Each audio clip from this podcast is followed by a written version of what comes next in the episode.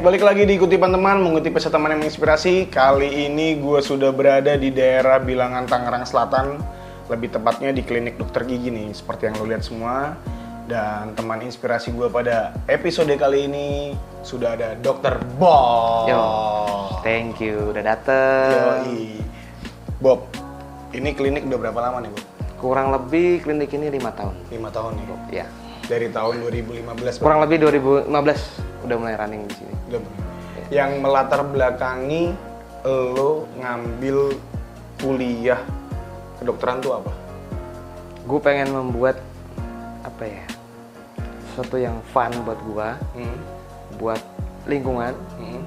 dan kebetulan kan di gigi gitu ya. Kayaknya kalau dibuat tuh, gue tuh punya sesuatu yang membuat orang datang ke gua berobat ke gua itu yang miss gitu. Gak ngerti giginya hilang datang pulang, eh dia datang giginya hilang pulang ada giginya, dia bisa ketawa, bisa fun gitu. Atau enggak sakit tiba-tiba jadi sembuh gitu iya. ya? Masuk sakit keluar ketawa-ketawa ada gitu aja. Nah, menarik nih. Iya. Lo tadi bilang fun. Berarti eh, mata kuliahnya susah nggak sih? Dibilang susah, susah. Dibilang enggak, ya enggak juga gitu. Jadi ya Yang jadi favorit? Kalau buat favorit buat gua Waktu itu kuliah? bedah mulu. Udah mulut ya? Iya. Kenapa tuh? Bisa dijelasin nggak ke teman-teman? Sebenarnya gini rumah. sih. Kalau gue pribadi ya. Karena bedah mulut itu sesuatu yang apa? Tingkatannya itu sulit. Tapi nggak sulit juga sih gitu. Tapi buat gue tuh sesuatu yang sangat menarik lah. Bedah Gitu. mulut itu. Iya. Karena dari situ kita tahu semua kondisi dari pasien itu tuh sakitnya apa.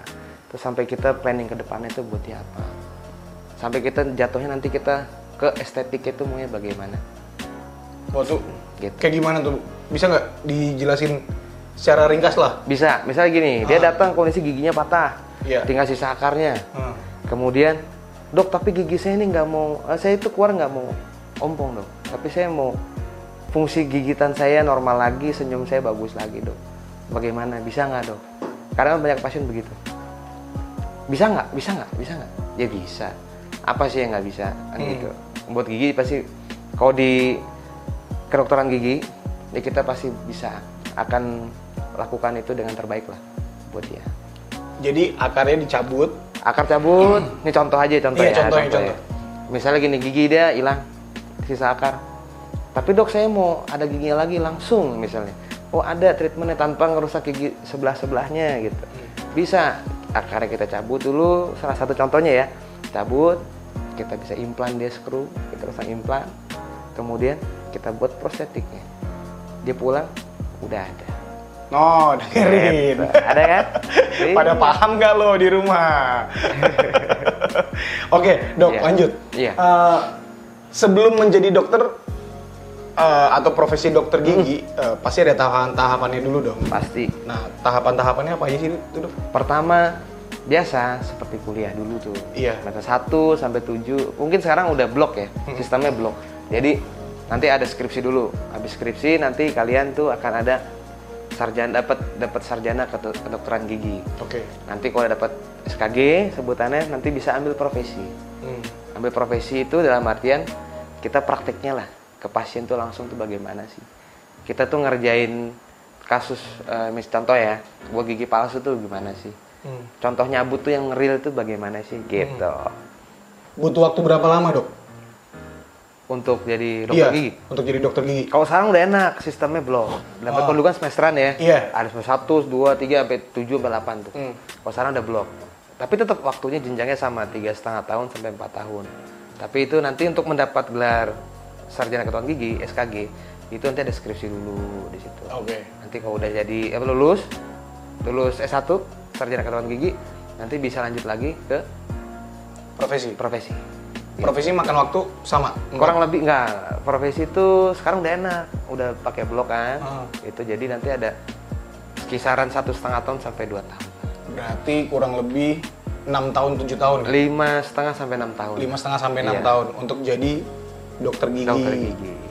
Gue sering tuh mendengar istilah koas. Iya. Ya kan. Sebenarnya apa sih koas? Koas itu sebenarnya implementasi dari waktu preklinik atau pengambilan kan teori nih SKG kan Iya. sarjana kan itu teori semua tuh Sampai nanti- skripsi. sampai skripsi itu teori dia cuman eh, latihan apa ngebor itu atau buat model gigi itu di pantom contoh model tapi kalau ini di profesi langsung touch ke pasiennya. Dari semua masalah tentang apa namanya itu? Buat gigi. Oh, makanya contohnya nanti eh, sorry. Banyak. Ah. contohnya buat gigi palsu gimana cara nambal bagaimana terus foto ronsen bagaimana nyabut gigi tuh gimana sih? Nah itu itu di profesi semuanya. Makanya banyak yang ini ya, yang koas-koas ini juga. Kalau gue dulu pernah ketemu tuh eh, yang bersihin karang gigi itu Iya. bagian itu bagian Iya, itu dari bagian koas-koas ya, juga itu. ya? bagian.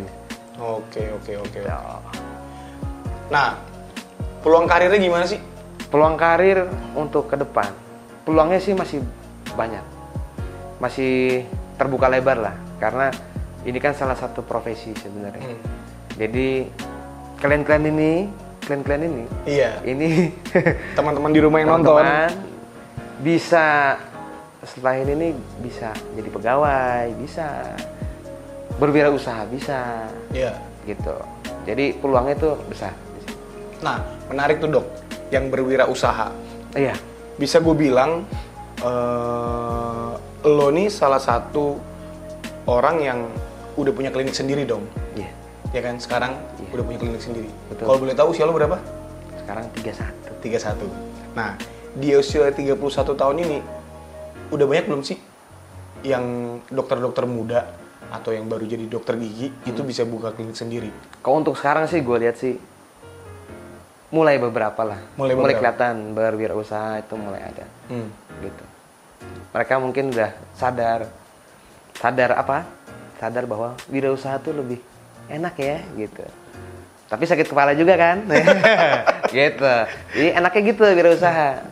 Sakit kepala sendiri, senangnya sendiri. Gitu.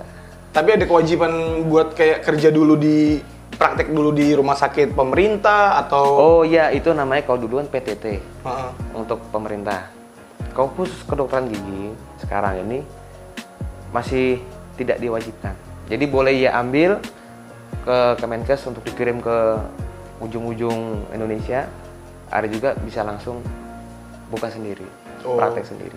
berarti misalnya nih gua eh, dokter gigi yang baru, Iya. berarti gue bisa dong langsung eh, buka praktek sendiri Bisa. tanpa harus misalnya kayak gue coba kerja dulu ke lo Iya. magang gitu. Ya bisa. Berarti bisa langsung buka praktek langsung. Bisa. Lebih baik buka bareng-bareng sama teman-teman.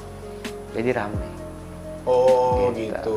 Jadi bukan maksudnya untuk mengakali masalah apa tuh wirausaha yang mungkin biayanya budgetnya terlalu Iya, besar gitu. budget Jadi- terlalu besar, ya patungan. Misalnya ada empat orang, lima orang teman-teman yang CS-an gitu, ya kita bisa bangun bareng-bareng. Gitu. Hmm. Berarti bisa dibilang nggak kalau kuliah fakultas kedokteran, baik secara general ataupun khususnya ke dokter Hmm. gigi ini, Ya, kuliah yang mahal. kalau bisa dibilang mahal, termasuk dalam mahal. Range-nya berapa dok? Zaman lu deh. Zaman lu. Oh, zaman gue masih masih murah. Ya nggak juga sih. Zaman dulu sih masih belum ratusan kalau gua. Kalau sekarang udah ratusan. Udah ratusan. Iya. Itu bener-bener dari awal sampai Sampai habis, sampai lulus. sampai lulus dapat Sampai lulus. gelar kedokterannya itu. Iya. Eh, eh, ser- eh, sertifikasi jadi dokter. Iya, iya, Ratusan tuh. ratusan. Balik dengan cepat nggak? Tergantung.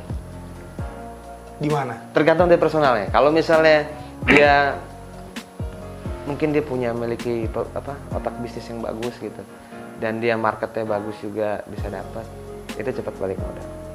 Tapi baik lagi kalau kedokteran gigi itu kita bukan money oriented basicnya karena kita disumpah. Hmm. Nah dari sumpah itu kita apa? Dengan pasien apa pun, dengan sosial apa pun kondisi kita harus terima. Termasuk dia tidak bayar. Karena apa? Kita wajib membantu dia. Gitu. Iya, berarti hampir hampir sama mungkin eh, pro bononya lah ya hitungannya Iya, secara betul. cuma-cuma dikasih Iya. kan.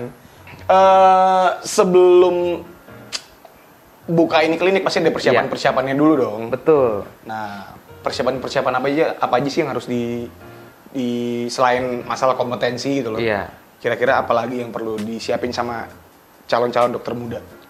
Atau dokter muda itu? Pesan dokter muda itu satu, jangan pernah berhenti belajar. Ada course apa, course apa, ikut aja. Karena kita harus update ilmu. Gitu. Jadi berapa spend money you keluarin uangnya, jangan anggap itu rugi. Nggak ada. Nggak ada rugi lah istilahnya. Namanya ilmu kan. Oh, Kita harus terima terus, kita harus update. Karena apa? Kan kita buat ke objek kita kan pasien kan, orang manusia. Kita harus kasih yang terbaik buat dia. kursus-kursus yang pernah lo ikutin Hmm. untuk mengupdate ilmu-ilmu kedokteran gigi lo itu apa aja? Kursnya itu gua dari awal ya. Pertama gua update estetik. Iya. Cara nambal yang bener tuh gimana, buat veneer tuh gimana, ya kan? Habis itu dari estetik gue juga update keilmuan di bidang implan. Dunia implan tuh gimana sih? Gitu. Yang notabene itu untuk meningkatkan kualitas gua pribadi untuk ke pasien. Gitu Berarti dua. orto, behel, semua gue update. Semuanya gue pelajarin. Karena apa? Bukannya gue gimana? Gue harus update ilmu itu. Gitu. Kalau kalau orto apa sih orto? orto behel, behel. Oh behel. Per gigi di behel gitu. Dirapiin gigi biar cantik tuh gimana sih? Biar senyumnya bagus tuh gimana sih? Nah, jatuhnya ke bidang estetik jatuhnya. Kalau implan yang Sama, itu implan tuh kalau giginya hilang, kita pasang skrunya, pengganti akarnya, kemudian estetik lagi, baik lagi. Gigi itu mau modelnya gimana? Itu nanti di dunia estetik di situ. jadi estetik ini mempercantik lah ya. Iya, gitu. Tantangannya selama ini jadi dokter, Tantangannya itu salah dokter gigi. Apa pusing? pusing kan namanya namanya buka sendiri ya. Nah, Kita kalau di gigi itu namanya kita harus update teknologi. Oh butuh dokter nih. Kita harus punya engine baru, mesin baru. Ya itu siap-siap aja. Harus harus ready itu. yang kayak gini-gini semua nih. Ya contoh, kadang pasien kan sekarang makin lama dia mulai apa ya udah sudah apa namanya? Out of the box ya. Mikir aduh kok agak kurang bersih ya kurang apa. Itu kita harus jaga banget. Oh di klinik sana tuh ada ininya ya. Canggih di sini nggak ada. Gimana? Ya itu kita harus pintar-pintar lah kita harus memilah itu sama jangan lupa kita harus juga tahu kondisi keuangan kita juga sama market kita. Kalau market kita menengah ke atas atau ke bawah gitu menengah lah. Ya kita juga boleh kita update ilmu teknik apa mesin-mesin semua bisa. Jangan sampai kita minus lah intinya gitu. Gara-gara kita punya mesin engine baru. Kalau Gitu. kalau ini sendiri apa sih dok? oh ini? Iya. dental unit mesin gigi. Jadi kita buat nambal apa semua di sini? Alat-alatnya. alat-alatnya engine karena gigi tuh mau nggak mau harus pakai mesin bro. Kalau yang dokter lain kan mungkin ya udah oke lah. Tapi kita harus pakai engine. Kalau ini apa nih gelas apa? titipan. Titipan. ketipan teman gitu. Lo percaya nggak? Apa? Eh, ada statement-statement bahwa fakultas kedokteran ini fakultas perempuan nih gitu? Fakultas kebanyakan gadis Iya. FK gitu Iya. Bener nggak tuh? emang banyak bro bener bro bener serius Lebih banyak perempuannya dibanding iya dong itu kesenangannya gua maksudnya itu keberuntungan gua Kenapa memang? ya? Kenapa lebih banyak perempuan dibanding laki-laki? Nah itu sebenarnya gue juga bingung, tapi mungkin karena simpel kali dia mereka mikir gitu ya. Dulu zaman gue aja dokter apa yang laki-laki itu cuma 18 orang dari 140. Ganteng gak lu? 18 Ganteng kan? Lagi- Laki-lakinya 18 orang iya. dari 140. Berarti kurang mendominasi banget ya. Wih doe, gue minoritas bro. Nah, DRG, Bobby, Iya. Kurnia, Setiawan, Mas. Iya. Masnya apa dok? S2 gue. S2. Itu magister administrasi rumah sakit. Kompetensi deh. Kita bicara masalah kompetensi. Hmm. Oke. Kompetensi seorang eh, dokter gigi itu yang dibutuhkan apa aja? Yang jelas kompetensinya jelas waktu di koas setelah koas selesai itu kan ada requirement yang harus selesai semua kemudian ada namanya itu ujian negara ujian negara itu ada dua macam ada teori dan praktek Ya. namanya itu OSCE dan CBT nah itu ada ujian teorinya ada ujian prakteknya di situ kalian ya harus lulus itu berarti kalau udah saatnya itu lulus berarti sudah sah anda menjadi dokter gigi gitu. Ada lembaga-lembaga kursusnya gitu nggak sih dok? oh Buat buat ya, Gimana? dia belajar gitu. Apa memang harus secara setelah dia pribadi? lulus ya dokter Bukan bukan. Lembaga-lembaga kursus kayak eh, bimbingan belajar untuk ikut ujian negaranya itu ada. oh ada aja itu pasti ada di kampus-kampus juga pasti masing-masing membuka juga untuk fokus di ujian itu gitu Termasuk yang kursus-kursus tadi course-course yang tadi lu Oh itu bilang. lain, itu course itu nanti di bidang keterampilan dia. Setelah dia lulus, lu dapat surat apa eh, dari negara, registernya, STR-nya, Heeh. udah terdaftar, nanti boleh ambil kurs di sini, di luar negeri juga boleh, mau ambil spesialis juga boleh, terserah kalian mau apa, gitu. Oh jadi nggak nggak ada kaitannya ya Nggak ada kaitan. Sama yang course-course tadi yang lu Iya. bilang bahwa harus mengupdate ilmunya. Oh itu nanti setelah anda jadi gigi udah selesai, baru terserah deh.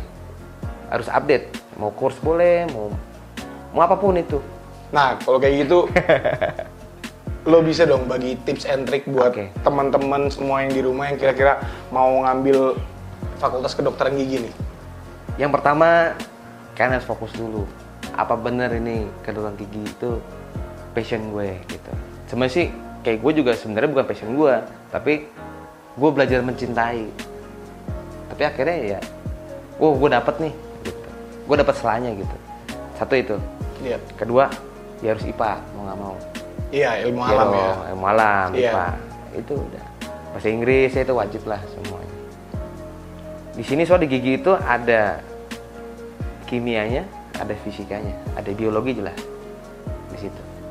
Jadi kimia. Nggak perlu pintar, yang penting rajin tahu logikanya jalan. Ya tadi kimia, fisika, biologi, Iya, bahasa Inggris. Iya. Empat komponen ini empat lah ya. komponen itu. Otomatis talk chair nih langsung. Itu udah wajib bro. Wajib. Wajib, wajib. Nggak perlu pintar, yang penting tahu oh begini logikanya, begini begini. Udah. Seiring berjalan waktu itu Iya. semua karena praktek juga ya. Praktek. Gitu. Oke deh, kalau gitu. Terima kasih banyak Dokter Bob buat Thank waktunya. you, bro Gogo. Nah, Siap. itu tadi teman-teman eh, kisah-kisah Dokter Bobby selama ini bu kuliah kedokteran. Terima kasih semuanya yang udah nonton. Jangan lupa like, komen, dan subscribe serta sebarin video ini ke teman-teman lu semua. Oke? Asik. Karena dengan kutipan teman kita dapat saling berbagi dan menginspirasi. Ciao.